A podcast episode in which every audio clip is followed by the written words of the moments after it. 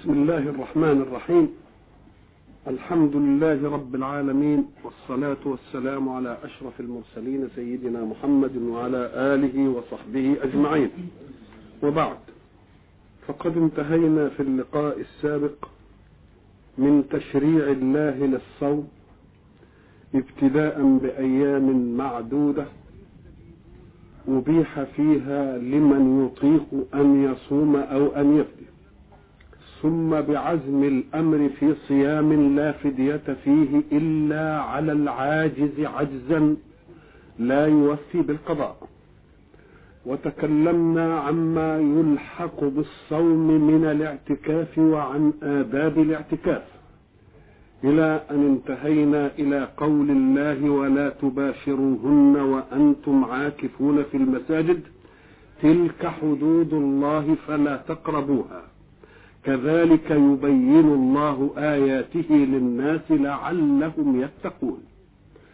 إذا فكل تكليف بآية من آيات الله الغاية المطلوبة فيه للحق المشرع هو أن نتقي. نتقي كل مشاكل حياتنا ونتقي عذاب الله في الآخرة. وانظروا إلى دقة الأداء القرآني في ترتيب الأحكام بعضها على بعض. فالإنسان المخلوق لله في الأرض المسخرة بكل ما فيها لله له حياة يجب أن يحافظ عليها والمحافظة عليها تكون ببقاء الحياة في الاقتيات وبقاء النوع في الزواج. والاقتيات تكلم الله فيه للناس جميعا. كلوا مما في الأرض حلالا طيبا. وتكلم فيه مخاطبا المؤمنين به من طيبات ما رزقناكم. وبعد ذلك شاء الله أن يديم على المؤمن به قضية التكليف فحرم عليه الطعام والشراب والنكاح في أيام, أيام رمضان. وكانت حلالا في غير أيام رمضان وأحلها الله في ليل رمضان. ثم جاء بعد ذلك ليقول في قضية أخرى عامة في كل الأزمنة. فالذي يحرمه الله علينا في نهار رمضان حلال وطيب ومباح في غير رمضان. شاء الله أن يستغل نهينا عن الأكل وهو المحافظ على بقاء الحياة في الإنسان وكل حركة في الوجود تنتهي إلى المحافظة على بقاء الإنسان. يشاء الحق أن يشيع قضية تتناسب مع عدم الأكل لأن الصيام امتناع عن الأكل. فجاء بقضية أخرى مستغلا الامتناع عن الأكل فيما أحل الله وفي الأكل من الطيبات ليقول ولا تأكلوا أموالكم بينكم بالباطل. إذا فال... فال... النهي عن الأكل في الصيام في طعام مملوك حلال طيب جعل الله ذلك وسيلة بعد ما ألفنا أن نمتنع عما أحل مما نملك أن يشيع لنا قضية لتحكم حركة الحياة. فقال ولا تأكلوا أموالكم بينكم بالباطل. حركة الحياة كل مآلها إلى بقاء الحياة. وبقاء الحياة أول شيء هو العام في الطعام. والطعام أمر ضروري لكل إنسان يستبقي حياته. أما استبقاء النوع فله طور خاص بعد أن يبلغ الرجل وينضج ويصير أهل للإخصاب إذا فقضية الأكل قضية عامة للجميع. الأكل في المملوك جائز والأكل فيما لا مالك له جائز. تأتي لتأكل من ما أنبتت الأرض وهو غير مملوك فكل من صيد غير ممروك فكل. إلا أنك تنظر فيه أحل الله ذلك أم لا؟ إذا فالتحليل والتحريم لذات المأكول. ولكن قد يسبقك إلى المأكول في الوجود واحد بحركة في الحياة فيأخذ ذلك. لم يصبح مما في الأرض حلالا طيبا بل أصبح مملوكا لمن سبقك أو من تحرك في الحياة حركة استولى بها على المملوك. فلا تأكل أن ذلك في الأرض وآكل منه. أراد الحق أن ينظم الحركة في المال المملوك للغير. الكلام الأول في مال غير مملوك طعام غير مملوك. لكن إذا سبقك إليه إنسان أو تحرك إنسان بحركة في الوجود فاستنبط مالا هناك قضية أخرى. لا تتعلق بذات المأكول ولكن بملكية المأكول. شيء آخر ده خالص. فقال كل عمليات اقتياتك في الحياة عملية لا يمكن أن تستقل بها أنت. فلا بد من اختلاط حركة الآخرين معك. فأنت لا تأكل إلا مما يكون في أيديهم وهم لا يأكلون إلا مما يكون في أيديك. معنى ذلك الفلاح مثلا حين يبذر البذر هو محتاج أيضا إلى من؟ إلى الصانع الذي صنع له الفأس وصنع له المحراس. محتاج له. وصنع له الساقية وصنع له الدولاب. والذي صنع ذلك محتاج إلى من علم هو محتاج إلى من يحضر له المواد الخام إذا فأنت لو سلسلت الأشياء التي توصلك إلى الطعام لوجدت حركات الكون كلها بتخدم هذه المسألة. إذا فالأكل من المال المتواضع. أمر شائع بينكم. يريد الله أن يضبطه بشيء. فقال لا تأكلوا أموالكم. ما دامت أموالي أنا ما أكلهاش ليه يا ربي؟ الأمر للجميع والأموال مضافة للجميع. فهو ساعة يكون مالي ملكا يكون أيضا مالك انتفاعا. إذا فهو أمر شائع عند عند الجميع. ما الذي يحكمه يا ربي؟ يحكمه الحق الثابت الذي لا يتغير. ولا يحكمه الباطل. يبقى معنى إيه باطل؟ ومعنى إيه حق؟ الباطل هو الزائل هو الذي لا يدوم. هو الذاهب والحق هو الثابت الذي لا يتغير. فلا تأكل بالباطل يعني إيه؟ يعني إيه ما تأكلش بالباطل؟ يعني لا تأكل مما يملكه غيرك إلا بحق ثابت أثبته الله بحكمه. فلا تسرق ولا تغتصب ولا تخطف ولا ترتشي ولا تدلس ولا تكون خائن في الأمانة اللي انت موكل بيها. إذا كل ذلك إن حصل يكون أكلت المال بالباطل. وحين تأكل أنت مالك بالباطل لن تستطيع أنت شخصيا أن تعفي غيرك مما أبحته لنفسك وسيأكل غيرك بالباطل أيضا. فما دام أنت تأكل بالباطل وغيرك يأكل بالباطل يصير الناس جميعا نهبا للناس جميعا. لكن حين يحكم الإنسان بقضية الحق يبقى أنت لا تأخذ إلا بالحق. ويجب على الغير أن لا يعطيك إلا بالحق. لتحكم حركة الحياة كلها بحق ثابت لا يتغير. ليه؟ لأن الباطل قد يكون له طفو كده. لكن ملوش استقرار. إن الباطل كان زهوقا. باطل كان إيه؟ زهوقا. ولذلك يضرب الله مثلا للحق والباطل يقول إيه؟ أنزل من السماء ماء المطر. فسالت أودية بقدرها. كل وادي خد من المطر على إيه؟ على قده. فاحتمل السيل زبدا رابيا. ساعة ترى مطرا ينزل وسيل ووادي تقوم تلتفت تلاقي المطر كنس كل القش وكل الوساخات وكل حاجة وعملها كده قام اتطفت فوق وعملت الرغوة. والرغوة تبقى إيه؟ أعلى عالية. فربنا بيدينا مثل للحق والباطل وهما أمران معنويان بأمر إيه؟ حسي. أنزل من السماء ماء فسالت أودية بقدرها فاحتمل السيل زبدا رابيا. ومما يوقدون عليه في النار ابتغاء حلية أو متاع زبد مثله. ليه؟ لما إذا أدخلت الحديد في النار تقوم تنظر تلاقي الحديد يعمل إيه؟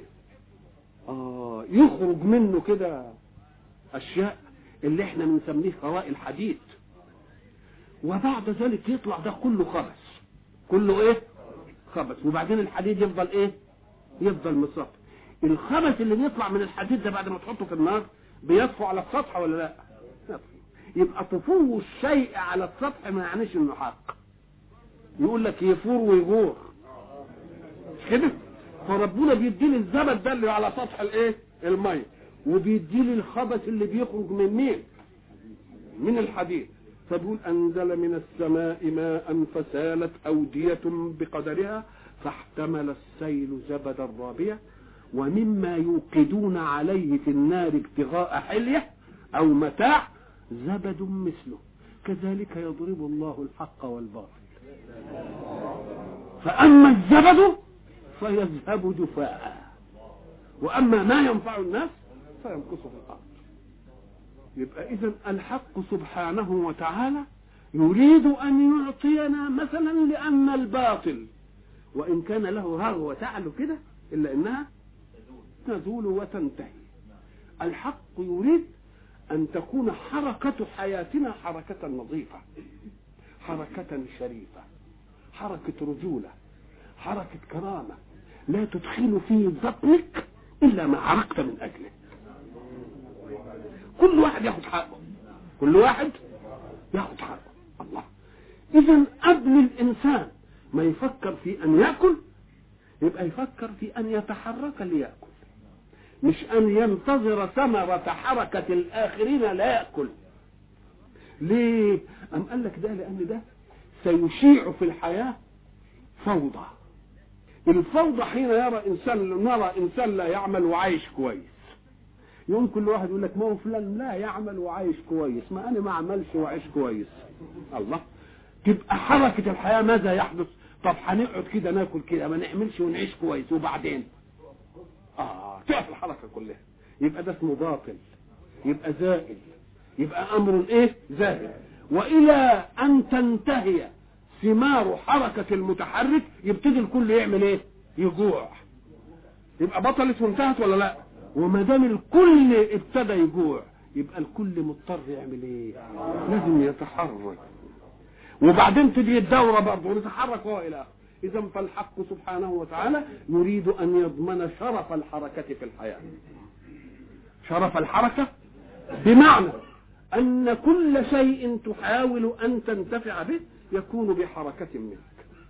يكون بحركة منك. ليه؟ قال لك لأن حركتك مش هيقتصر نفعها عليك أنت ولكنها سلسلة متدافعة من الحركات المختلفة. وحين تشيع أنت الرجولة وشرف الحركة يبقى الكل يبقى إيه؟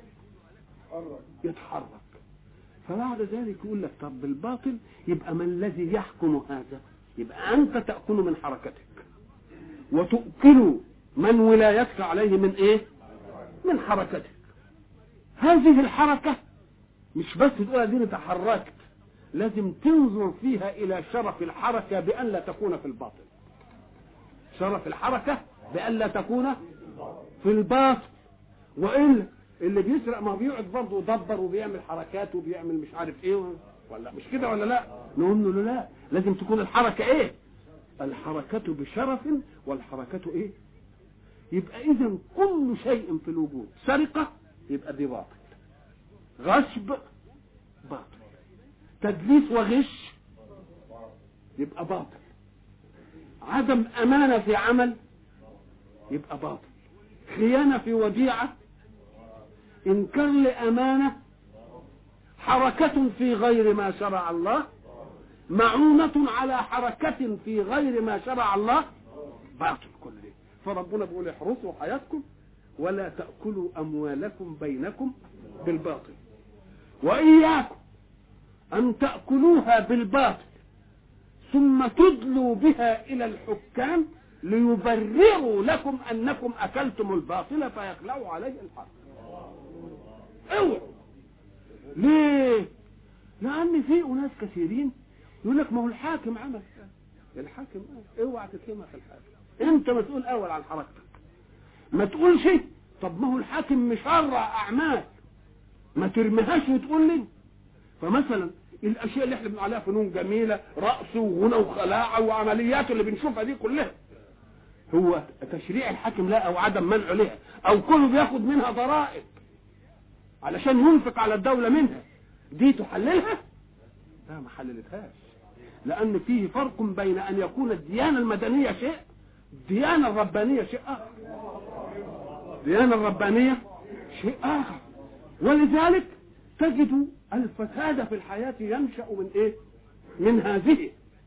وكل الذين يشتغلون بعمل لا يقره الله يأكلون أموالهم بالباطل. ويدخلون في بطون أولادهم الأبرياء مال بالباطل. فعلى الذين يأكلون من مثل هذه الأشياء أن يتنبهوا جيدا إلى أن الذي يعولهم إن أدخل عليهم شيئا من هذا عليهم أن يذكروا ربهم وأن يقولوا لا لن نأكل من هذا المصدر لأنه مصدر حرام ومصدر باطل ونحن الذي خلقنا هو الله. فهو يتكفل برزقنا. إياكم أن تسمعوا بنسمع كتير يقول لك ما هي خلاص بقت مسائل الحياة وترتبت الحياة عليها ونظام المش عارف إيه وما عدناش نغدر نقول له لا رتب حياتك من جديد على عمل الحلم. وإذا أصر واحد أن يعمل عملا غير حل ليعول من هو تحته على المعول أن يقف موقفا منه يرده ويجهد فيما يأتي به. ليقتل ليقتل فيه ذلك الإصرار على أن يأكل بالباطل. تصوروا كده ابن ما يرضاش يأكل مثلا من جري أمه ولا من جري أبوه إذا علم أنه بالباطل. انظروا إلى هذه الطعنة. كيف تكون؟ يذلهم وإياكم أن تقولوا هو ده رزقنا ما إحنا ما نعرفش إلا رزق. ليه؟ لأن الله سبحانه وتعالى يريد منا جميعا أن نتيقظ أن عملك لا يرزقك. وإنما يرزقك الله بسبب هو العمل. فإن انتقلت من عمل باطل فلن يضن الله عليك بعمل حق لتقتات منه. مش ممكن. ولذلك الحق سبحانه وتعالى عالج هذه القضية حينما أراد أن يحرم بيت الله في مكة على المشركين. وبيت الله في مكة كان هناك أناس يعيشون على ما يأتي من المشركين في موسم الحج موسم اقتصادي. بيبيعون لهم كل شيء. فحين يحرم الله على المشرك أن يذهب إلى البيت ماذا يكون موقفه؟ لا يقولوا إيه؟ أول ما يخطر على البال. يقولوا ومن أين نعيش؟ ومن أين؟ انظروا إلى القضية التي يريدها الله أن تسير في نفس كل مؤمن. إنما المشركون نجس فلا يقربوا المسجد الحرام بعد عامهم هذا. ثم يأتي للقضية اللي هتشغلني. يقول وإن خفتم عيلة يعني فقرة فسوف يغنيكم الله من فضله. آه إذا ما فاتتش على ربنا. ما يقولش واحد هي ده اللي برتزق منها. ده أنا برتزق من إنني بمسك نغم برتزق على إني بلحن برتزق على إني بألف أغاني خليعة برتزق من دي. يقول لا اوعى تجعل الرزق مني. إن خفتم عيلة فسوف يغنيكم الله من فضله. ومن يتق الله يجعل له ويرزقه من حيث لا يحتسب. أنت احتسبت أن رزقك لا يكون إلا من هذا. ولكن اتركه طاعة لله. وانظر إلى يد الله الممدودة لك بغيره.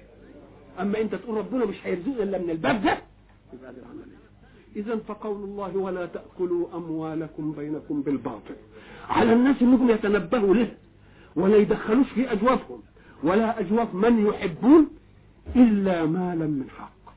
إلا مالا من حق. ومن بحركة شريفة ومن بحركة نظيفة وليكن دائما الصدد بتاعهم إيه؟ ومن يتق الله يجعل له مخرجا ويرزقه من حيث إيه؟ من حيث لا يحتسب. وأيضا حين تأتي تجد هنا عجيبة في النص القرآني. يقول وتدلوا بها إلى الحكام. عشان الحاكم هو اللي هيقننها لك. تدلوا مأخوذة من أدلى أنتوا عارفين فأدلى دلوة؟ أدلى الدلو. يأتي علشان نجيب ماء به نأتي بالماء من البئر. نقوم نعمل الدلاء ندلي الدلو ما يتعلق في إيه؟ في حبل. والحبل ده يكون طوله على قدر إيه؟ بعد المية. يبقى أدلى دلوه يعني علشان يأتي بإيه؟ يأتي بالماء. ودلاه أخرج الدلو يبقى أدلى أنزل الدلو ودلى ولذلك شوفوا في قصة الشيطان قال إيه؟ فدلاهما بغرور فأخرجهما مما كان فيه. فأخرجهما يبقى أدلى يعني عمل أسقط الدم ودل يعني أخرج الدم وتدلوا بها إلى الحكام. آه يعني تعملوا إيه ويا الحكام؟ ترشوه عشان تأكلوا فريق من أموال الناس بالباطل. ومن العجيب إن النص ده هو بعينه نص الرشوة لأن هي الرشوة من الرشا. والرشا هو الحبل اللي بيتعلق فيه الإيه؟ الديل هي هي. هي إيه؟ هي هي. يبقى أدلى وذلة وهي الإيه؟ هي الرشا. تمام. الرشا والرشوة هي موضوعها. تمام. وتدلوا بها إلى الحكام لتأكلوا فريقا من أموال الناس بالإيه؟ اسمه أنتم تعلمون. طب وليه تدلوا إلى الحكام؟ قال عشان أديلها التشريع التقنيني أديلها التشريع التقنيني تقول التشريع التقنيني ده حينما تكون محكوما بقانون بشر. إنما حين تكون محكوم بقانون إله. حكم الحاكم ما يحللش. ولذلك النبي وضع المبدأ ده. قال إنما أنا بشر وأنكم تختصمون ولعل أحدكم أن يكون ألحن بحجته. يعني حجته قوية. خلاص؟ ودوك صاحب الحق لبخة مش عارف يثبت حقه. مفهوم؟ ولعل أحدكم أن يكون ألحن بحجته. فأقضي لا. آه فمن قضيت له من حق أخيه شيء فلا يأخذه. مع إن من اللي قضى؟ النبي. فإنما أقطع له قطعة من النار. أقطع له قطعة إيه؟ كل بقى الفساد. حين يقنن يبقى نتيجة إيه؟ نتيجة. إما إن الحاكم يقوله وتاخد أنت اللي حكم الحاكم ده خلاص انتهى. الحاكم ما حرمش الربا. تقول ما الحاكم محرم الربا. آه هي دي برضه إيه؟ ما يحللش. ما إيه؟ ليه؟ لأنك محكوم أنت والحاكم بقانون. محكوم أنت والحاكم بإيه؟ بقانون إله بقانون. فإذا ما عملش هو علشان سلطته الزمنية اعمل أنت عشان دينك. اعمل أنت علشان إيه؟ علشان دينك. وإذا ما نظرت بقى إلى أي فساد في الكون في أي مظهر من مظاهر الفساد تجد الرغبة في أكل المال بالباطل. كلها أنا بقول إن الحق سبحانه وتعالى ما سابش المسائل كده بالدارية غايبة بس ده عملها في المشهديات. ولذلك إن أردت أن تعرف خلق أي عصر واستقامته الدينية وأمنت في تصريف الحركة فانظر إلى المعمار في أي عصر من العصور. المعمار يعني المباني اللي أنت بتشوفها دي. تقوم تشوفها بقى. استغلال مالك أمانة منفذ خيانة صنايعي. كل دي تشوفها في إيه في المعمار. بص كده لما تمشي كده وبعدين تلاقي المجمع اللي مبني ده شوفوا مبني سنة كام شوف البريد مبني سنة كام. مفهوم؟ شوف مثلا السجل ده مبني سنة سنة كام. محكمة محكمة النقد مبنية سنة كام. وبعد ذلك شوف المكان اللي بتنبني دلوقتي اللي عمالة تنهال على الناس وعمالة تقع. ليه ده نشأ من إيه؟ نشأ من إيه؟ من, غش مين اولا؟ نمسكها من الأول. نمسكها من الأول كده. ممول شرف مش كده؟ مهندس تبع الدولة مدلس. منفذ لص. صنايعي خاين. مش كده؟ وبعد ذلك تت- تتنسب الحكاية وبعد ذلك تشوف الضحايا والأبرياء اللي إلى الآن عمالين يخرجوا جثث- جثثهم من تحت الأنقاض. شوف شوف دي نشأة من إيه؟ من أكل الإيه؟ من أكل بالباطل تبقى العمارة لسه ما استلمتش. تشوف دورة الماء عمالة تشر. العمارة لسه ما استلمناش. تلتفت تلاقي الغفاء ده الرمل نازل. تلتفت تلاقي لسه ما طلعوش عليها حد وبتاع والسلالم واقعة. منين دي؟ من أكل الإيه؟ من أكل الأموال بالباطل. ولذلك شوقي رحمه الله نظر إلى هذه المسألة. وخد الأخلاق والدين من من المباني بتاعت الناس. ولذلك يقول وليس بعامر بنيان قوم إذا أخلاقهم كانت خرابة. ولذلك بص ولذلك أنا بقترح على الدولة دي أن تأتي لكل عمارة تبنى ويحفظ لها سجل ممولها والمهندس الذي أشرف واللي بنى واللي غفى واللي عمل أدوات صحية ويبقى في دوسيه. إما يحصل أي حاجة يجيبوا أي واحد من هؤلاء علشان يحاسب. عشان يحاسب وإلا فأرواح الناس كده بالسهله مش. يبقى اذا اذكر جيدا وليس بعامر. بنيان قوم إذا أخلاقهم كانت إيه؟ كل ده من أكل الأموال إيه؟ أكل الأموال بالباطل. مفهوم؟ وتدلوا بها إلى الحكام. تدلوا بها. كل واحد ياخد فرصته في الحياة. يعني افرض ان حاجة بناخدها بطابور. بصف كده عشان ما فيش واحد إيه يتقدم. وبعدين واحد جه من الساعة سبعة ووقف في الطابور خد صفه.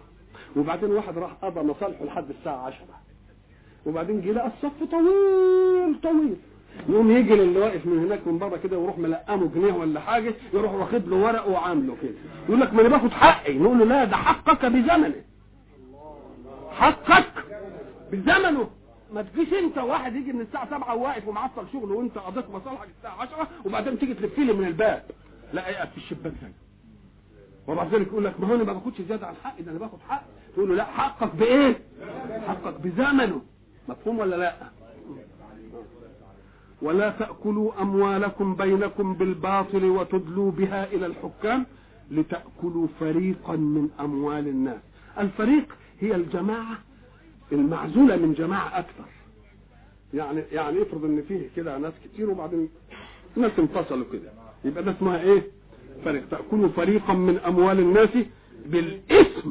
الإثم الأصل فيه ولو لم يكن هناك دين أن تفعل ما تعاب عليه وتذم فإن كان من ناحية الدين أيضا تعاب عليه وتذم وبعدين إيه؟ تعاقب في الآخر.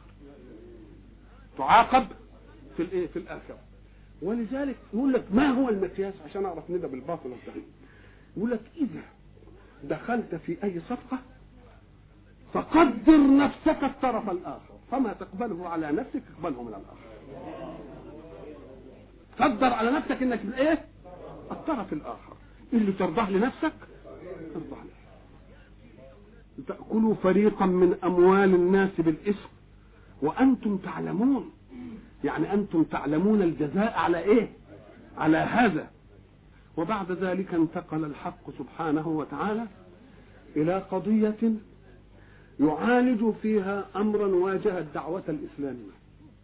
الدعوة الإسلامية إنما جاءت لتخلع المؤمنين بالله من واقع في الحياة. كان كله أو أغلبه باطل ولكنهم اعتادوه وإيه؟ وألفوه. أو استفاد أناس من ذلك الباطل فأصلوه في الناس. لأن هو فيه حاجة تفضل ألا إذا كان الناس هيستفيدوا منها. ولازم يكون الناس لهم إيه؟ فالإسلام جاء ليخلص الناس من هذه الأشياء. والإسلام حين جاء ليخلص الناس من واقع لم يشأ أن يعلمنا أن كل واقع الناس شر. وإلا كان غير كل حركة عندهم. في حركات أقرها على ما هي عليه. يبقى يدل على إيه؟ يدل على انه الحركة اللي ما فيهاش ضرر خلاها. هو مش جاي يغير على حركات الناس عشان يغيرها ضروري؟ لا ابدا. الحركة الكويسة يخليها. الدين كانوا مشرعينها مية من الإبل خلاها إيه؟ مية من الإبل. مش حاجة أبدا. إذا هو لم يغير إلا إيه؟ إلا الضرر. اللي فيه ناس مستفيدين من الإيه؟ من باطله المسلمين حينما آمنوا بالله واستقبلوا أحكامه أرادوا أن يبنوا حياته على نظام جديد طاهر إسلامي. حتى الشيء اللي كانوا بيعملوه في الجاهلية والإسلام ما غيروش برضه يسألوا عن الحكم. لأنهم يريدون أن يصنعوه لا على عادة ما كان يصنع بل على نية القربة إلى الله بالامتثال. مش بس إنه يعني ما قال لا عايزين برضه يد... اذا فقد عشقوا التكليف وعلموا أن الله لم يكلفهم إلا بالنافع. فكل يسألونك في القرآن من هذا النوع يسألونك ماذا ينفقون؟ ويسألونك برضه ماذا ينفقون؟ قل ما أنفقتم من خير فللوالدين والإيه. يسألونك عن الخمر يسألونك عن المحيض يا الله يسألونك عن اليتامى. يسألونك عن الأنفال. مش كده؟ الله. كل يسألونك عن ذي القرنين. إذا فكل سؤال معناه أنهم أرادوا أن يبنوا حياتهم على نظام إسلامي. حتى الشيء اللي الإسلام ما غيروش عايزين برضه يعرفوه ويصنعونه على أنه حكم الإسلام لا على أنه حكم العادة. حكم الإسلام؟ على حكم بعد ذلك حق سبحانه وتعالى عالج هنا في القضية أول سؤال ورد عندنا يعالج قضية كونية. قضية كونية يدلك على أن العرب التفتوا إلى كون الله التفاتا دينيا آخر. إزاي؟ التفتوا إلى الكون فوجدوا الشمس بتطلع كل يوم ولا تتغيرش. والقمر أخوها اللي بيطلع بالليل هو اللي بيتغير. شوف الملاحظة؟ بيبقى قد كده صغير وبعدين يكبر ويكبر وبعدين يصغر يصغر تاني لحد ما يبقى محاق ما بيحصلش الكلام ده لمين؟ يبقى اذا التفتوا للكون ولا لا؟ التفتوا للكون. التفتوا للكون. وابتدأوا بدهم يعرفوا إيه الحكاية دي. فيسألوا النبي عليه الصلاة والسلام أو اليهود قعدوا يحرجوهم ويقولوا لهم اسألوا رسولكم عن الحكاية دي الهلال بيطلع مثلا صغير وبعدين يكبر شوية ويكبر يكبر لحد ما يبقى إيه بدر وبعدين يبتدي إيه ينقص ينقص وبعدين يقعد ليلتين محاط ما نشوفوش ها؟ يسألونك عن الأهلة. الحق سبحانه وتعالى يجيب الجواب الذي يحمل كل جواب عن شيء هذا الشيء خاضع لنشاطات العقل في اكتشافه. ملوش علاقة بالدين. ملوش علاقة. إن عرفتش أنا السبب في إنه يبدو هلال. هل أنا ما استفدتش منه في أنني أرقت به؟ أنا أرقت به. يبقى إذا علمك به لا يزيد نفعك منه. ده طرف عقل بس. والطرف العقل ده مش كل الناس ومش كل عقل عنده استعداد له. آيات الله في الكون إحنا ننتفع به. وبعدين قد ينشط العقل ويعرف السبب. وقد لا ينشط. فتظل الفائدة هي الفائدة ولا لا؟ أم قال طيب أنا أريد أن ألقنكم مبدأ هذا المبدأ أن تأخذوا لماذا؟ وبلاش تقولوا وكيف يبدو هلال ومش عارف إيه وبتاع الحكاية الثانية دي ليه؟ لأن دي عقلكم مش هي إيه مش هيتسع ليه لأن إذا كنا إحنا في القرن العشرين ولا يزال ناس بي بيخالفوا فيه. ناس بيخالفوا. إنما لما يجي يقول لك لا أصل الشمس قد الأرض. مليون وربع إيه؟ مرة. والقمر أصغر من الأرض.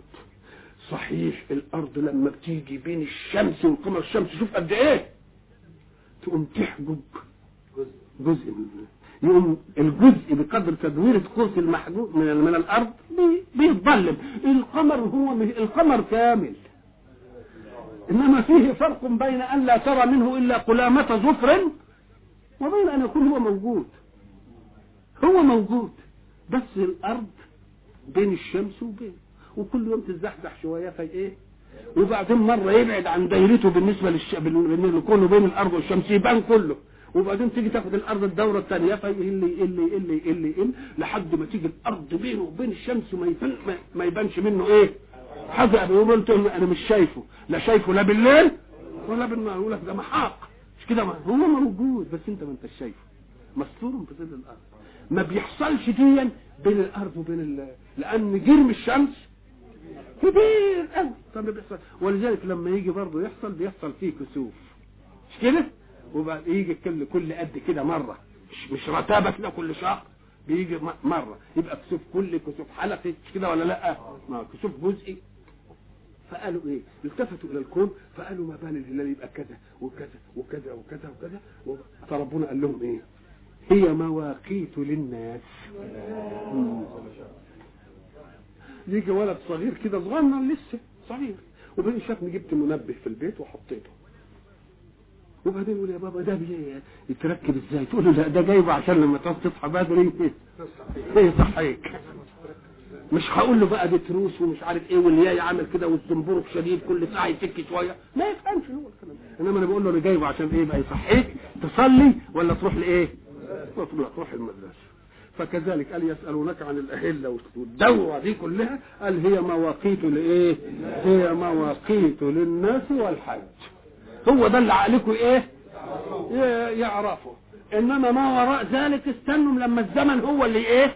هو اللي يدعو وجهلكم به إيه؟ لا يقلل من نفعكم. جهلكم به لا إيه؟ لا يقلل من إيه؟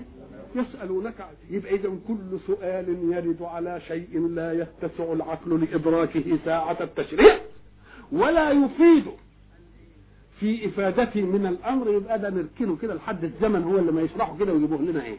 كانوا زمان يقول لك الأرض إيه كرة لحد ما شفناها كرة. مش كده ولا لأ؟ وانتهت القضية ولا ما انتهتش القضية؟ وانتهت القضية. يسألونك عن الإيه؟ عن الأهلة. إحنا قلنا بقى الهلال اسمه هلال ليه؟ لأن الإنسان ساعتها يراه إيه؟ يهل يرفع إيه؟ يرفع صوته بال- بالتهليل. يسألونك عن الأهلة. قل فاهمين إحنا طبعا قل ما قالش في قل هنا بقى أهو. هي مواقيت للناس. مواقيت؟ آه مواقيت. ما هي؟ مواقيت دي إيه؟ سبع ميقات؟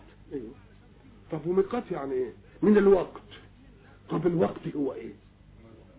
الوقت هو هي مواقيت. مواقيت جمع إيه؟ ميقات. ميقات يعني إيه؟ وقت. الوقت يعني إيه؟ زمن كده؟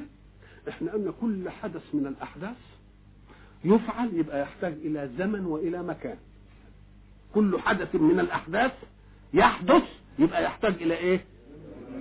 يبقى اذا الزمان والمكان مرتبط بالحدث. مرتبط؟ ما لم يحدث حدث ما تقدرش تقول زمانه إيه ولا مكانه إيه. ما حد ما فيش حاجة. يبقى الزمان والمكان إيه؟ مربوط بإيه؟ آه. اذا فلا يوجد زمان ولا مكان إلا إن وجد حادث. فإن لم يوجد حادث فلا زمان. اذا الذي يقول قبل أن يخلق الله الخلق الزمن كان إيه؟ نقول له لا ده الزمن وجد بالحادث. والله قديم. يبقى ما دام كان قديم ما هوش حادث يبقى لا زمن ولا مكان. ما تقولش لا متى ولا إيه؟ ولا أين. ما تقولش لا متى؟ لأن متى وأين مخلوقة. متى وأين؟ مخلوق. طيب. الوقت ده؟ اتعرفوا إزاي؟ قال لك مقدار من الزمن لمقدار من الحركة. مقدار من الفعل يعني. مقدار من الزمن لمقدار مقدار من الفعل. مقدار من الزمن يبقى المكان اتلغى؟ أم قال لك شوف بقى.